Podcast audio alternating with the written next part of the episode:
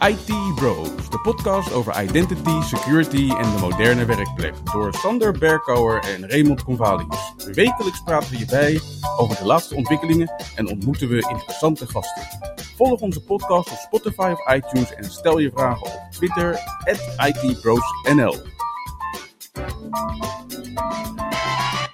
Ik ben Raymond Convalius. En ik ben Sander Berkouwer. Welkom alweer bij aflevering 21 van de IT Bros podcast. Met deze week het laatste nieuws, aankomende evenementen, een gast en een nieuwe productiviteitstip.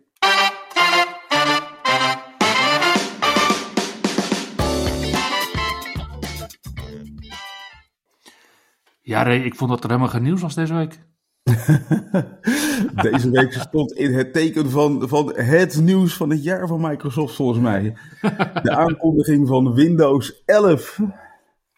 Het is zover, hè? Het is wel grappig dat jij zegt van ja, het is het nieuws voor Microsoft. Maar is het wel inderdaad alleen het nieuws voor Microsoft? Of is dit de manier waarop Microsoft, zeg maar, de, de hele IT-industrie weer gaat helpen? Nou ja, of ze ze gaan helpen, dat gaat, gaat blijken. Maar uh, dat het invloed heeft op de hele IT-industrie, dat is alweer duidelijk. Ja, en vooraf hebben we het er natuurlijk over gehad. En vooraf had iedereen zoiets van, ja, gave uiterlijke wijzigingen. Maar ja, weet je, wat koop je daarvoor als IT-pro? Ik heb zelf al eens geroepen dat uh, uh, Windows langzaam maar zeker minder relevant wordt. Hè? Dus, Ja, en als ik dan zo kijk naar zo'n show en als ik dan probeer de woorden van Panos en van Satya te duiden, dan, dan hoor ik toch wel dingen waarvan ik denk van, jeetje, Windows is toch zeker wel relevant. Weet je, blij dat we daar in onze show altijd nog steeds aandacht aan geven, want ja, we hebben het wel over, weet je, dat de standaardlocatie van het startmenu gaat naar het midden, zeg maar, van de taakbalk. Maar de achterliggende gedachte die Satya daaraan geeft, weet je wel, los dat het echt super gaaf is op van die uber breedbeeld uh, 49 inch uh, schermen, zeg maar. Dat je nu niet uh, je nek verrekt.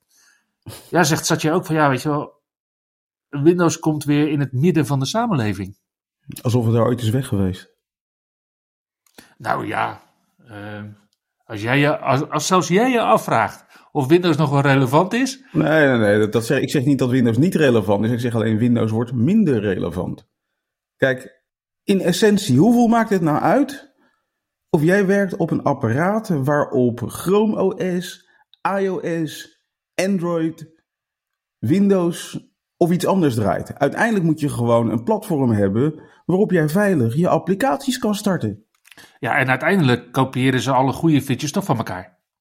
Dat ook. En als je kijkt naar het verdienmodel van een Microsoft, het interesseert ze eigenlijk helemaal niks. Of je nou Windows gebruikt of iets anders. Als je maar kan betalen voor je Microsoft 365 abonnement. Ja, daar zit inderdaad het grote verdienmodel van Microsoft uh, nu. Dat is ook waarom ze nu inderdaad een bedrijf zijn dat 2 miljard dollar waard is. Sinds Precies. deze week. En wat maar, is dan de relevantie van Windows?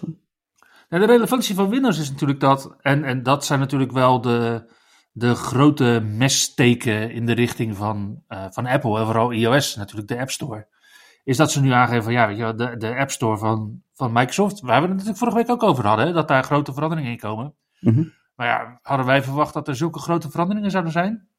Dat Microsoft nu spreekt van een democratische App Store, dus zonder grote censuur, waarbij Microsoft er voor 0% tussen zit. Google nog steeds 15, Apple nog steeds 30. Ik denk dat het wel relevant is dat dat gebeurt bij Microsoft, maar of dat echt de IT-industrie gaat opschudden, weet ik niet. Ik denk dat het al slecht nieuws is voor sommige uh, bedrijven. Wat we nu gaan zien is dat de Microsoft Store natuurlijk Android-apps gaat aanbieden. We hadden het daar vorige week over. Toen vroeg ik van, nou, de Google Play Store dan misschien. Nou, dat is dus de Amazon Store geworden voor Android-apps. Maar er was al een bedrijfje wat ervoor zorgde dat je Android-apps op je Windows kon draaien, namelijk BlueStacks. Ja. En ik zag een één woord uh, tweet uh, van deze mensen, die inderdaad denk ik wel uh, alles zegt. Begon met een F. Te zien, maar... ja, weet je, dat is, dat is natuurlijk wel wat er wat er denk ik gebeurt. Ja, ja, ja dat, dat, dat is, is één van de dingen die er gebeuren. Ehm, ik vond het trouwens een, een, een bijzonder gelikte presentatie hoor, van Microsoft gisteren van Windows 11, absoluut. Absoluut. Ehm, waarin ze ook weer zeg maar, een aantal leuke nieuwe verbeteringen lieten zien, onder andere in de UI. Eh, eh, je had het al zeg maar over eh, het makkelijk kunnen werken met ultra breed beeldschermen. Ehm, die widgets die ze lieten zien zagen er gelikt uit. Dingen als gesture control, nieuwe versies van Notepad en Paint. En we hebben weer een opstartgeluid in Windows. Ja. We hebben weer een opstartgeluid in Windows. En dan denk je als IT Pro, ja, weet je, wat moet ik daar nou mee? Maar ik kan me nog herinneren, hè, vroeger, en jij misschien ook nog wel, dat we met uh, Ghost en daarvoor met uh, Leplink inderdaad uh, tientallen, honderden machines tegelijkertijd inspoelden. Dat was nog, dat deden we toen nog voor de jonge luisteraars. Image. Dat, nou, dat kan je nu bijna niet. Ja, MDT nog, kom je nog af en toe een beetje tegen. Maar ja, ja weet je, Windows hoef je natuurlijk sinds Windows 8 bijna niet te imagen. En wat, wat we dan zagen was dat er dan inderdaad tientallen, honderden machines tegelijkertijd opstarten. En allemaal tegelijkertijd dat opstartgeluid afspeelden. Ja. Ja, die tijden herleven. Nou ja, ik denk dat het weer tijd wordt voor radiospotjes over Windows. Ja, ja want dan heb je inderdaad uh, zo'n zo'n opstartgeluid kan je precies goed gebruiken als uh, afsluitende dat bedoel ik. jingle. Helemaal. En ik vond trouwens dat de sessie van deze week erg consumer-oriented was. Ja, terwijl er toch ook al wel wat IT Pro features lekken. Ja. Ik zag screenshots van de nieuwe uh, Windows Autopilot ervaring mm op Windows 11. Dat is ook nu fluent. Dat ziet er ook wel echt uh, gaaf uit. Ik zag de nieuwe systeemvereisten. Dat is wel even een aandachtspunt van IT-pro's. Dat is een mooie discussie die daar gaande is. Het lijkt erop dat uh, je minimaal een TPM 2.0 nodig gaat hebben. En het lijkt erop dat de 32-bit versie van Windows eruit gaat. Ook. Maar uh, ik ben nog wel zeg maar nieuwsgierig naar de, de onderbouwing voor de vereisten naar, uh, voor, voor TPM 2.0. Wat gaat het dan niet doen? Ja, een van de vereisten die Microsoft nu aangeeft is dat je Secure Boot moet gaan draaien. Ja, daar heb je TPM voor nodig. Ja. En uiteraard, weet je, de grote grap op internet is natuurlijk dat TPM, TPM staat ook voor Star Wars fans, voor de Phantom Menace. Maar we bedoelen echt die Trusted Platform Module chip op je, op je moederbordje. Ja, ja en, en met Secure Boot is dus ook de vereiste geworden dat je GPT gebruikt voor je bestandsindeling. Ja. ja, dus ja, misschien dat image toch wel weer uh, terugkomt. We hebben natuurlijk, en ik ben daar bij klanten altijd heel erg mee bezig geweest, al in, in de Windows Vista tijd. Jij was ook heel actief in de Windows Vista tijd, maar vooral als auteur ook natuurlijk. Maar, um, en bij grote banken in Nederland geloof ik, hebben we het laatst over gehad met Matthijs. Anyway. Iets mee gedaan. Iets mee gedaan. Maar ja, sindsdien hebben natuurlijk die mensen gewoon die machines kunnen in-place upgraden de hele tijd. En ja, nu moet je toch wel heel diep wijzigingen gaan maken.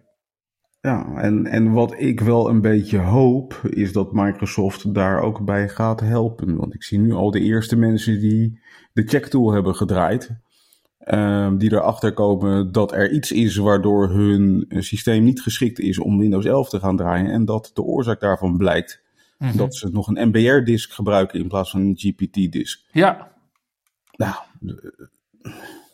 nou, kijk, het grappige is, ik, uh, ik keek laatst even naar een, uh, een Service Pro 3. We hebben het echt over een apparaat van vijf jaar oud, hè? Mm-hmm. Is standaard door Microsoft geleverd met een TPM 2.0 chip, met een 64-bit processor, met 64-bit Windows en met een GPT-disk. Ja, ze, ze zijn er wel. Alleen, uh, dus er, zijn, er zijn er ook genoeg die dat niet hebben. Ja. Die niet een door Microsoft geleverd systeem hebben, wat toen inderdaad al volgens de recommended practices was ingericht. Ja, maar klanten die dus Surface-apparaat hebben gekocht de afgelopen jaren, die kunnen nu uh, in hun handen wrijven, denk ik. Die zitten goed, absoluut.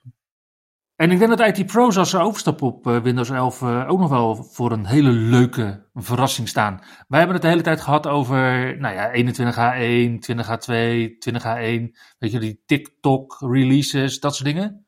Maar Microsoft geeft nu aan dat ze naar jaarlijkse releases gaan. Van Windows 11. Dat is wel een duidelijke stap uh, terug bijna, zeggen, zou ik zeggen. Ik denk ook een stap in de goede richting. Ik denk dat het veel overzichtelijker wordt en dat er veel minder druk komt te liggen. Daarnaast zegt Microsoft ook dat, er, dat de updates die je dan dus krijgt, die worden 40% kleiner. Dus je hebt ook nog, nog eens meer. We gebruiken natuurlijk allemaal al uh, branch cache en dat soort dingen, denk ik. Maar mhm. ook dat updaten wordt dan dus makkelijker. Dus je gaat eerst door de helft omdat je er nog maar één per jaar hoeft te doen. En vervolgens nog eens 40% eraf. Nou, ik hou er wel van. Ja, nou goed. Uh, dus Windows, Windows as a Service krijgt een hele nieuwe invulling nu. Ja. Dan ben ik ook wel benieuwd wat er gaat gebeuren met het Windows Insiders programma. Of dat dan ook zo, zeg maar, op de bal blijft spelen als dat het nu doet. Uh, nou ja, nu even niet. Maar inderdaad, vanaf volgende week. Ik geloof dat er een Windows Insider beeld van Windows 11 komt. De eerste Windows Insider beeld. Op 28 of 29 juni. Ja. Ja, ik denk dat we daar vooral mee moeten gaan spelen, Ray.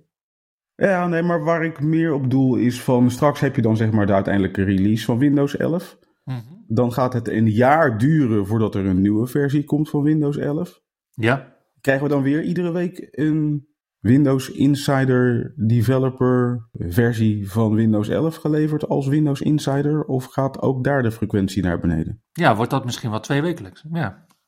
ja, het is niet dat er ineens minder mensen aan Windows werken als het naar een jaarlijkse release gaat. Nee. Het zou best wel eens kunnen dat gewoon die TOC-releases eruit gaan. Ja, dat zou zomaar kunnen. Ben benieuwd. Was er nog meer nieuws afgelopen week dan Windows 11? Ik, ik, hoorde, ik hoorde een hoop beheerders die ineens geconfronteerd werden met de uitrol van Windows 10 21H1.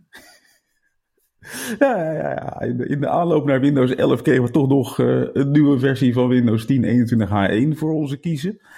En dat ging vooral om machines die out of support dreigen te geraken. Dus als je nog uh, Windows 10 19.09 en ouder draait, moet je er rekening mee houden dat uh, zo langzamerhand die machines automatisch beginnen te upgraden richting uh, Windows 10 21H1. En als je dat niet wil, inderdaad, moet je daar wat, wat dingen voor regelen. Juist. En dan vond ik 21H1 best wel een leuke versie. Hè? Je, kan hem, je kan hem ook wel echt herkennen aan de, de weather widget. Of de, de, de, het, het, stukje weer wat inderdaad ineens in je taakbalk uh, verschijnt. Ja, daar, daar gaan mensen niet uh, compleet van stuiteren. Uh, denk ik. Maar er zitten ook wel weer wat, wat security features in 21H1. En, oh natuurlijk ook in Windows 11. Maar daar gaan we het volgende week over Dat is nu nog niet, nog niet helemaal bekend. Nee, dat is inderdaad. er, er is nog iets voor volgende week om de, over te praten voor Windows 11. En ehm, ook lang verwacht en inmiddels uh, gereleased is uh, de Remote Desktop Connection Manager. De nieuwe RDC-man. Ja, de nieuwe RDC-man. Stukje software wat in de ban was gedaan door Microsoft wegens uh, enorme beveiligingsgaten. Ja, precies. Nu uitgebracht onder de vlag van sys-internals. Ja, je kan je oude configuratiebestanden niet meer gebruiken. Er is een nieuw XML-schema in gebruik genomen. Maar er zitten nog wel wat oude componenten in. Maar uiteindelijk hebben ze nu een veiliger uh, versie van de Remote Desktop Connection Manager teruggebracht. Dus uh, iedereen die uh, ja, met, met Remote Desktop protocol naar meerdere machines connect, kan blij zijn met deze ja. versie. Ja, Mark Rasinovich heeft zich even er tegenaan bemoeid. En het is nu weer de moeite waard, denk ik. Dat denk ik ook. Ja, ook, ook Mark heeft zijn relevantie weer geduid deze week. Yes. Er is nieuws op het gebied van uh, OneDrive. OneDrive heeft uh, foto-editing features gekregen. En sinds kort is het mogelijk om foto's aan te passen vanuit OneDrive on the web of OneDrive op Android. De iOS-versie laat nog even iets langer op zich wachten, maar het is dus nu mogelijk om vanuit OneDrive gewoon op je browser of in je browser moet ik zeggen, uh, foto's te kroppen, te roteren, te flippen, kleuren aan te passen. En van alles dus te doen om die foto's er beter uit te laten zien. Daarnaast komt er in de app Chromecast support. Dus je kan uh, heel makkelijk uh, je foto's gaan projecteren op beeldschermen die je Chromecast ondersteunen. Mm -hmm. En er komt een nieuwe feature in OneDrive die het makkelijk maakt om foto's te organiseren naar de bron waar ze vandaan komen. Zodat je bijvoorbeeld voor je screenshots automatisch een apart mapje krijgt. Dat zijn uh, welkome wijzigingen. Zeker Ja. weten. Is het dan alleen maar Hosanna in de wereld van de IT Pro deze week? Nou, misschien niet helemaal. We zien dat er steeds minder organisaties voor kiezen om nog ondersteuning te leveren voor Windows 7 en Windows 8. En een van de grotere organisaties is eh, Nvidia, die deze week heeft aangegeven te stoppen met het ondersteunen van drivers en het, dus het uitbrengen van nieuwe drivers voor Windows 7 en Windows 8. Oké, nou ja, goed. Windows 7 is al out of support sinds, eh, wat is het, 14 januari 2020? Dat is al, Ja, net een jaartje. Ja, ruim een jaar. En ja, ik vind het niet meer dan logisch dat deze bedrijven eh, dit gaan afbouwen. Trouwens, eh, ik zag ook wat cijfers voorbij komen over het gebruik van Windows 7 en Windows 8. En volgens eh, Steam, het bekende spelletjesplatform, gebruikt nog eh, iets meer dan 2% van de gebruikers Windows 7. En, en let op, niet meer dan 0,07% of iets minder dan 1% van Windows 8 of Windows 8.1. Dus eh, ja, om daar dan nog nieuwe versies van drivers voor te gaan ontwikkelen, ik kan me inderdaad afvragen of dat economisch nog verantwoord is. Overigens eh, blijft Nvidia nog wel eh, de kritische updates uitbrengen van deze drivers tot eh, 2024, maar er zitten geen eh, nieuwe features meer in.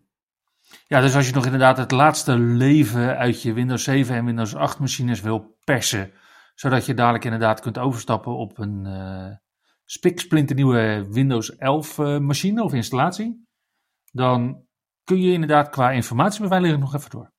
Yes.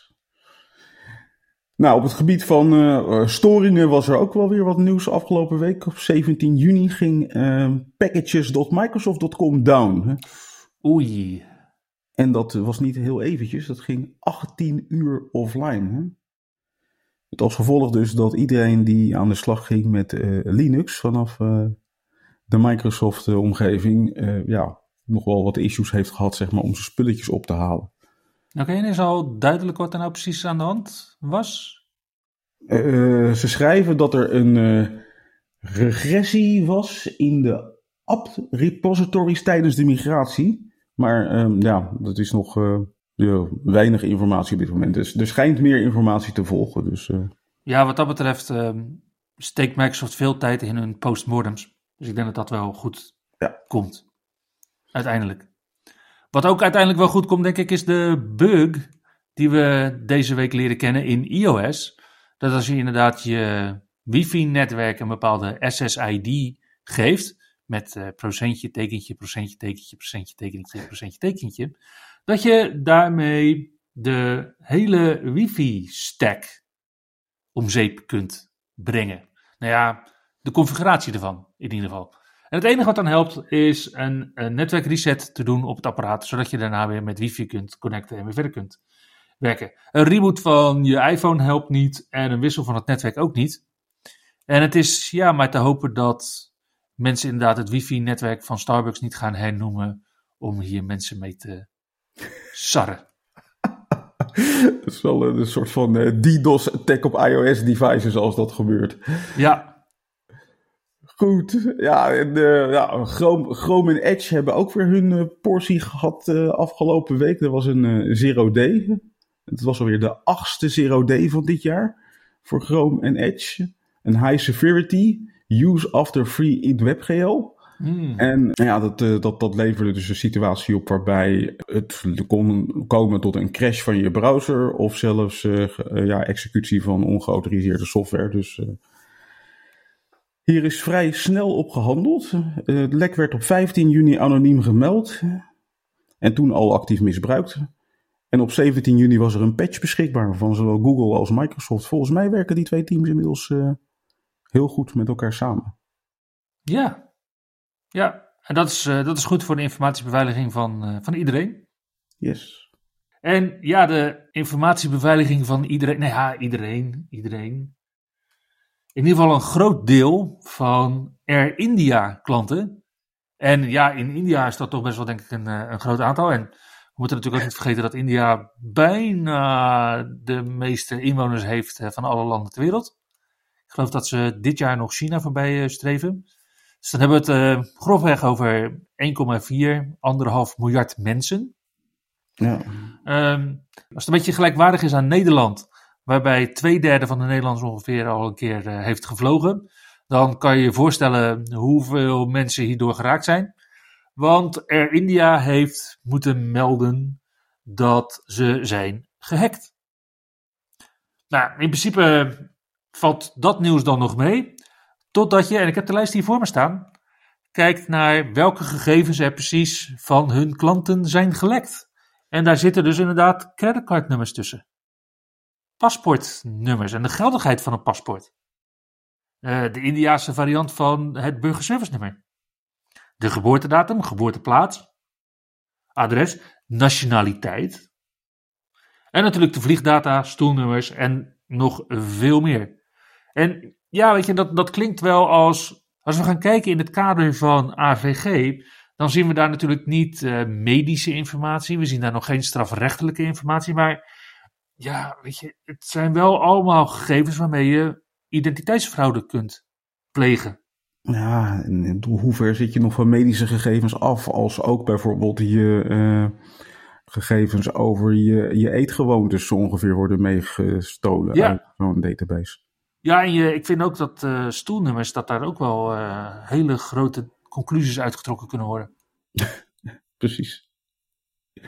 Best tricky dit. Ik denk dat dit toch wel een staartje krijgt bij Air India.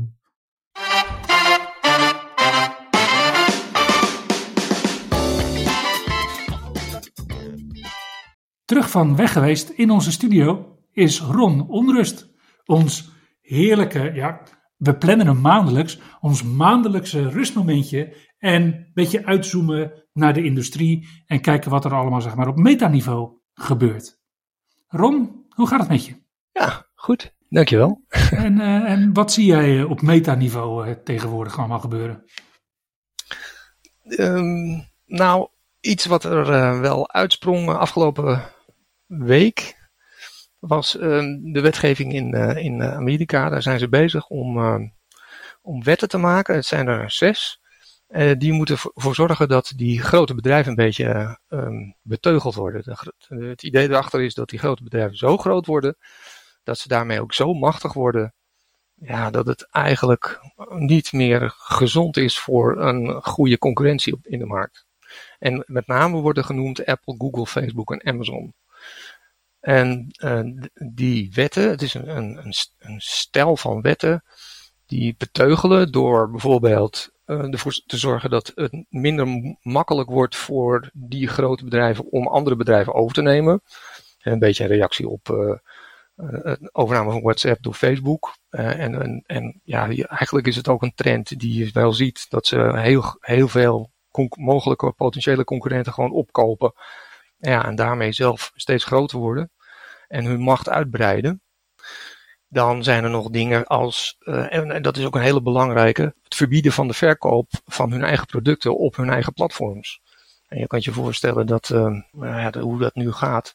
Het, het beste voorbeeld is uh, Apple Music op, op de App Store, wat concurreert met een Spotify.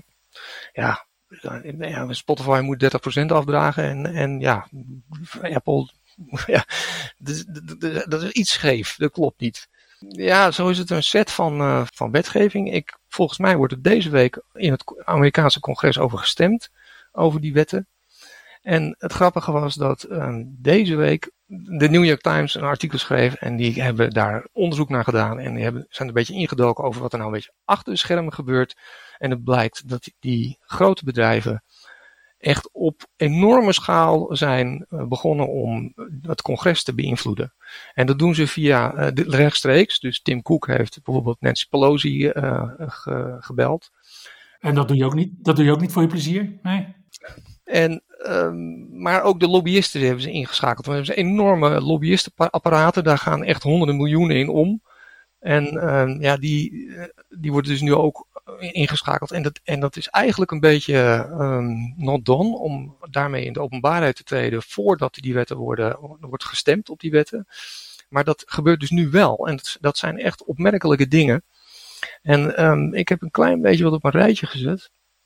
En ook vertaald in het Nederlands, want het is, soms is het uh, wat lastig. Maar wat opvalt is dat het commentaar wat, wat wordt geleverd door die grote bedrijven is allemaal heel globaal. Als zo'n Koek die heeft bijvoorbeeld gezegd, deze wetten zijn gehaast gemaakt en ze moeten de informatieschade, eh, net als de consumentenschade, door de diensten te verstoren achter de iPhone. Dus eigenlijk een beetje de App Store. En ook de toplobbyist van Amazon die zegt, uh, aanzienlijke neg negatieve effecten ziet hij op de honderdduizenden Amerikaanse kleine en middelgrote bedrijven die in Amazon verkopen. En uh, tientallen miljoenen consumenten die de producten van Amazon kopen. En zo blijft het allemaal een beetje vaag. Er is een, uh, een toplobbyist van Google die, die zegt: Amerikaanse consumenten en kleine bedrijven zouden ges geschokt zijn, shocked to be shocked, over deze wetten, uh, over hoe deze wetten hun favoriete diensten zouden nou ja, afbreken. Je moet een beetje denken van, er wordt nou voorgespiegeld als zouden Google Maps niet meer worden, mogen worden meegeleverd in de Play Store. Ja, en dat is ook wel heel erg leuk. In hetzelfde artikel van de New York Times, daar zegt Nancy Pelosi in een reactie op Cook, zo van nou, interessant dat u dat denkt meneer Cook, maar kom eens met wat concreets. Wat is er nou echt, hè? wat zou er aan deze wetten veranderd moeten worden? Of wat is nou echt, ja, het, het blijft allemaal zo vaag. En zij vraagt om concrete dingen, uh, om concrete voorstellen te doen die die wetten zouden kunnen verbeteren. Ja, zou ik ook zeggen. En ja, wat is nou het, het grote verhaal? Ik denk, die, die bedrijven zijn zo groot en zo machtig en die hebben zo verschrikkelijk veel geld. En dus ook um, lobbykracht. En, maar ook in de, in de markt om inderdaad al die bedrijven op te kopen. Dat het gewoon al dit is gewoon achterstallig onderhoud. Dit had al veel eerder moeten gebeuren. Ja, het klinkt inderdaad alsof ze de kar achter de wagen aan het spannen zijn. Want het valt me dan eigenlijk nog mee dat bijvoorbeeld een Facebook uh, zijn platform niet in heeft gezet nog om de publieke opinie te beïnvloeden in dat opzicht. Ja, dat weet ik niet. Of dat, ja, nou, ja, van, van Amazon snap ik het natuurlijk ook wel. Want ik denk niet dat, uh, dat Jeff Bezos erop zit te wachten dat hij dadelijk ineens Azure Virtual Machines aan, aan onze luisteraars zou moeten gaan verkopen. Uh, en dat hij zijn eigen AWS-instances uh, niet meer kan slijten vanuit zijn eigen platformen. Amazon is natuurlijk wel een ontzettend goed voorbeeld over hoe dit helemaal fout kan lopen. Omdat ze hun eigen artikelen via het platform verkopen en daarmee rechtstreeks concurreren met nou ja, de rest van de bedrijven die ook producten verkopen via Amazon. Dus dat is eigenlijk al een heel goed voorbeeld van hoe het helemaal fout gaat. Maar het is nog maar zeer de vraag hoe ver, uh, in hoeverre deze wetten uh, er doorheen komen. Want de, de, macht van die bedrijven is nogal groot en je weet het maar nooit in Amerika. Maar eigenlijk wat ze dus zouden moeten doen, die grote bedrijven, is dat ze dus moeten gaan kiezen tussen willen we een leverancier zijn of willen we een leverancier platform zijn. Ja, precies, exact. Ja.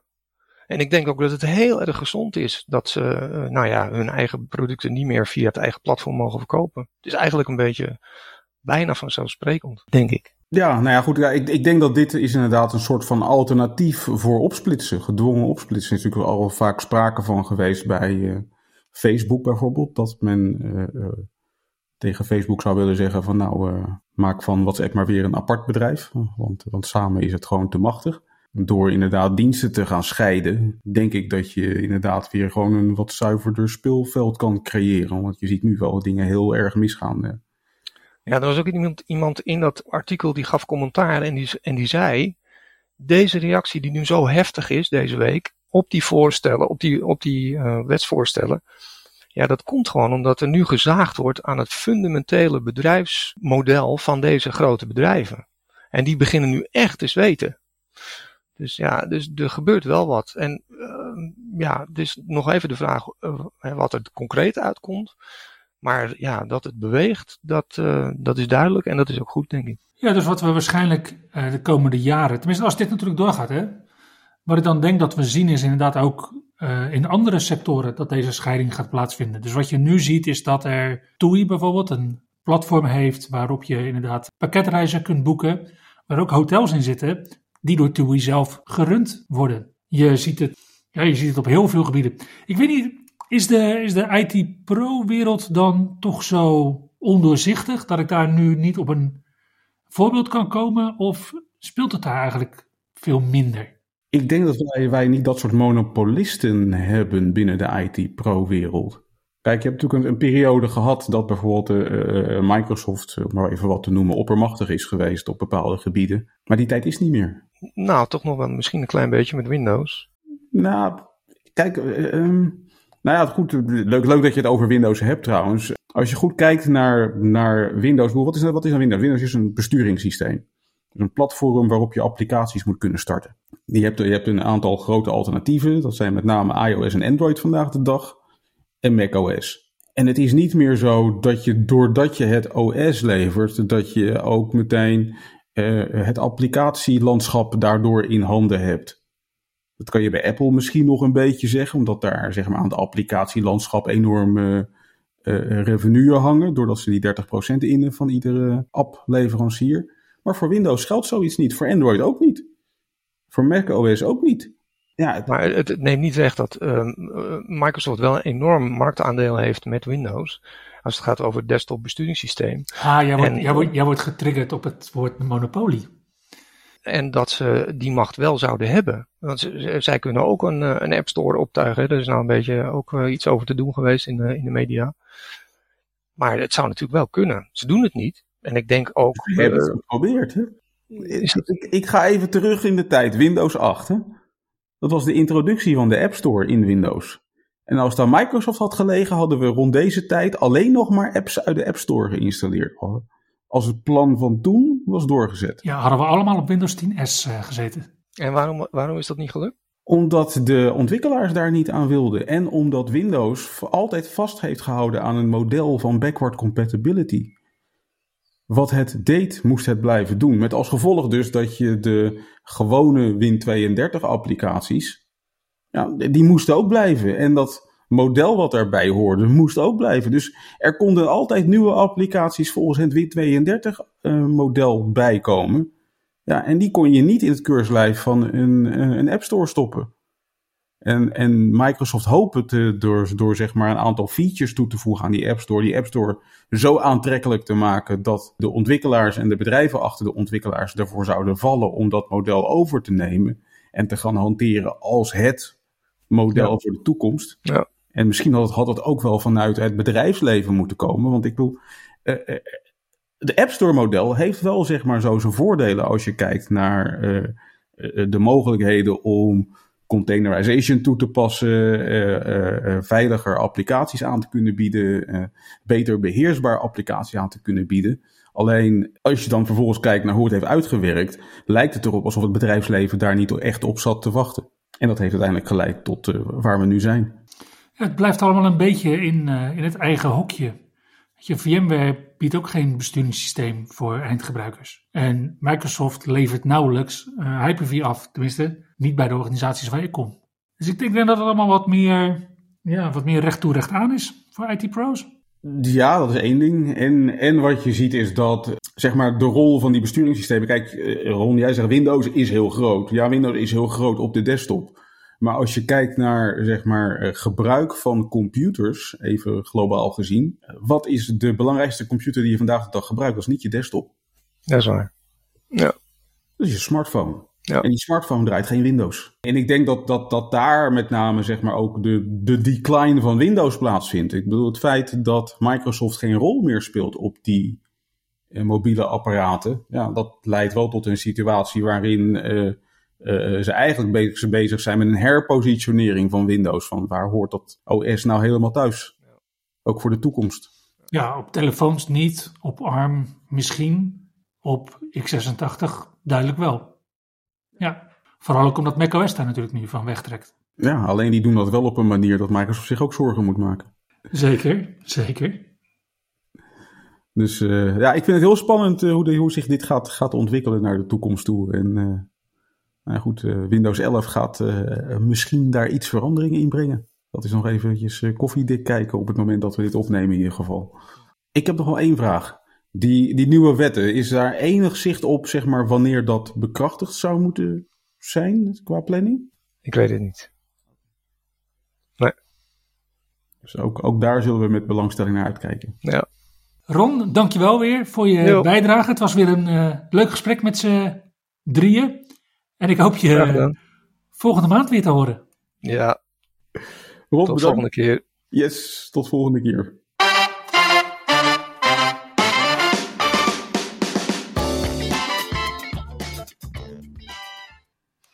Tijd om de lijst met evenementen erbij te pakken, Ray.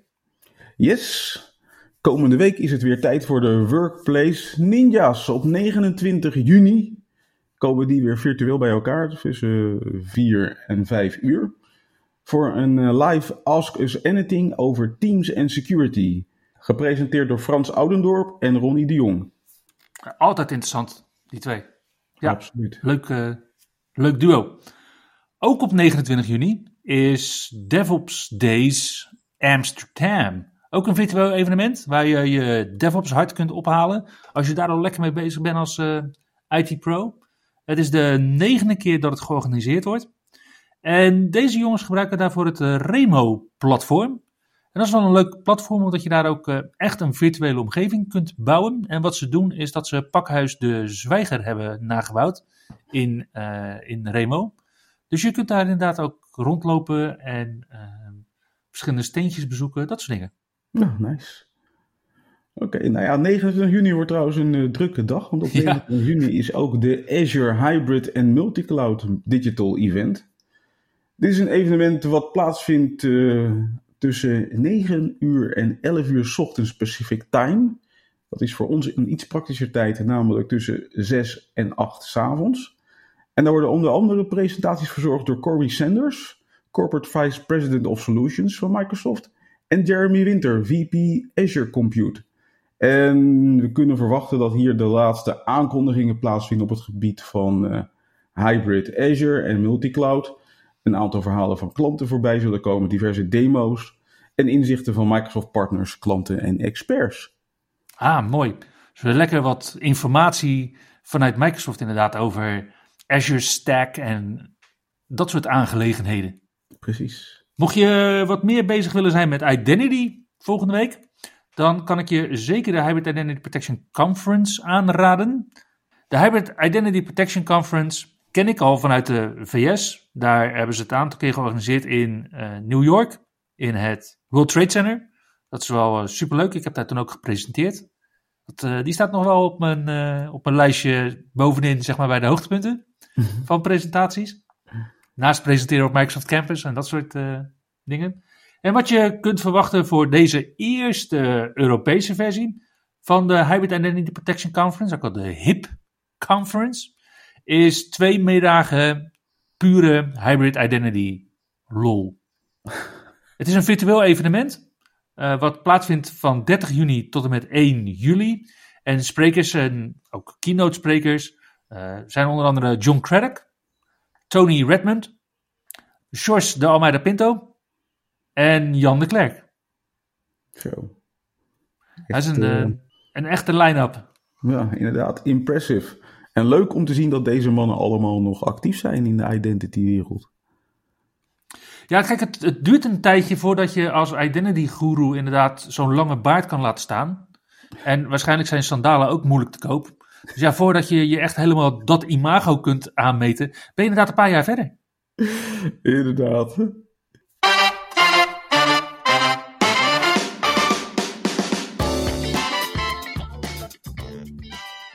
Hey Ray, wat is de productiviteitstip van deze week?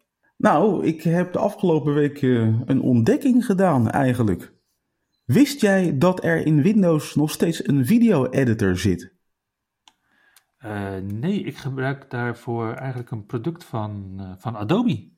Als ik echt video wil, eh, wil editen. Ja, nou ja, ik gebruikte ook een product van een third party. Ik gebruik Camtasia als ik iets wil editen. En heel vroeger had je natuurlijk gewoon in Windows had je Movie Maker. Ja, nou ja, en dat werd toen inderdaad Windows Movie Maker. Dat werd een, hoe noemden ze dat toen? Windows Live Essentials of zo? Ja, precies. Had je had zo'n suite van dingetjes die je kon toevoegen aan Windows. Ja, Maar de goede nu oude dus tijd. gewoon in Windows 10 vanaf dag 1 volgens mij al zit er gewoon een video editor ingebouwd. Alleen dat ding zit verborgen in de Foto's app. Hmm. En de grap is, je moet maar eens een keer je Windows machine pakken, klik op start en begin te typen video editor.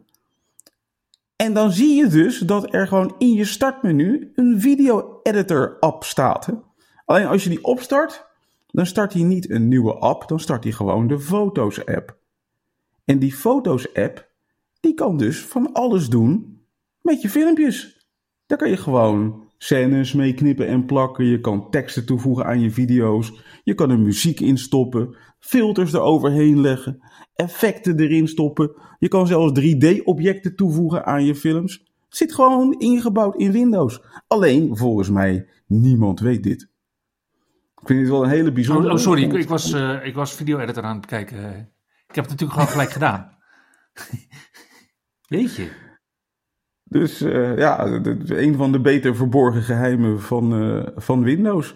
En als ze dan toch van Windows 11 uh, de media creation tool willen maken voor iedereen, dan zou ik tegen Microsoft zeggen van nou, maak deze video editor even nog een klein beetje beter en maak er gewoon een aparte app van in plaats van dat je hem verbergt in een app zodat niemand hem kan vinden.